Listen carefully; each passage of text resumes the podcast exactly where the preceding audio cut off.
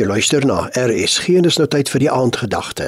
Dit word vanaand aangebied deur pastoor Willie Prinsloo van Sannieshof Christen Gemeente. Hallo, kan ek saam met u lees 1 Konings 3? Die agtergrond is twee vroue kom na koning Salomo. Hy luister na albei se storie. Daar was twee babas gebore, maar die een is dood gelê. En die koning luister na albei se storie en vers 24 daarop gee die koning bevel: "Bring vir my 'n swaard." En toe sê hy: "Sny die lewendige kind in twee stukke en gee die helfte aan die een en die helfte aan die ander." Maar die vrou wie se kind die lewendige was, het met die koning gespreek, want haar binneste was ontroerd oor haar seun. Sy het gesê: "Ag my heer, gee haar die lewendige kind en maak hom tog nie dood nie." Ons boodskap is: hoor albei kante van die saak. Kinders veral wil altyd hê dat jy moet regter speel. Wie's reg? Ek of hy? Terwyl die Bybelse manier op 'n ander vlak lê. Ons ken Salomo se wysheid in 1 Konings 3. Hy het geweet die ware moeders sou die kind nie wou doodmaak nie. Die agtergrond is dat konings en leiers en rigters altyd in die reg 'n besluit moes gegee het, ook goewerneurs soos Pontius Pilatus. En die lot is dikwels ingespan in sake waar daar nie 'n besliste uitspraak gemaak kon word nie. Spreuke 18:18 18 sê die lot laat geskille ophou. Pilatus wil homself nie persoonlik verontskuldig nie en hy doen wat die Joodse wet sê in Deuteronomium 21:3. Dis waar die skotteltjie en die hande was seremonie vandaan kom. Maar wat wen jy as jy al twee kante van die saak hoor?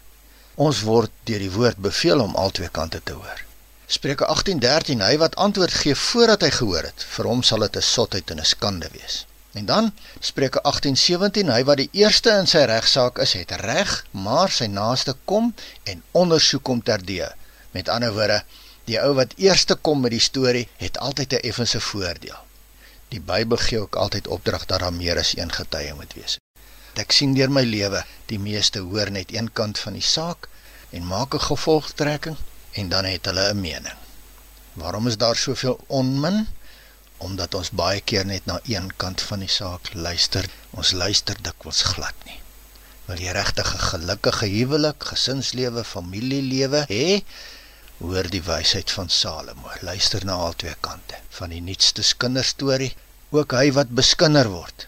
Fete tussen die bure, al twee kante. Dit raak baie moeilik as dit jou kinders en skoonkinders is. Dan as jy na al twee kante geluister het, wat doen jy dan? Ah, regter nê, nee, bring die swaard, laat ons kap. Nee. Jy moet verstaan dat God die regter is. God alleen is die regter. 2 Korintiërs 5:10. Ons moet almal voor die regterstoel van Christus verskyn. Dis die Heilige Gees wat mense oortuig wie is regtig skuldig. Want as jy in Jesus is, is jy nie regter nie, maar vrederegter. Matteus 5 vers 9. Salig is die vredemakers, want hulle sal kinders van God genoem word. Here God, Ons wil in die voetstappe van Jesus volg. En ons wil vrede maak. Ons wil albei kante hoor. Want dan wil ons terug staan en vir die Heilige Gees kans gee om te werk met mense. En ons wil U evangelie verkondig, die evangelie van vrede in Jesus se naam. Die drie enige God sien jou raak. Hy's lief vir jou.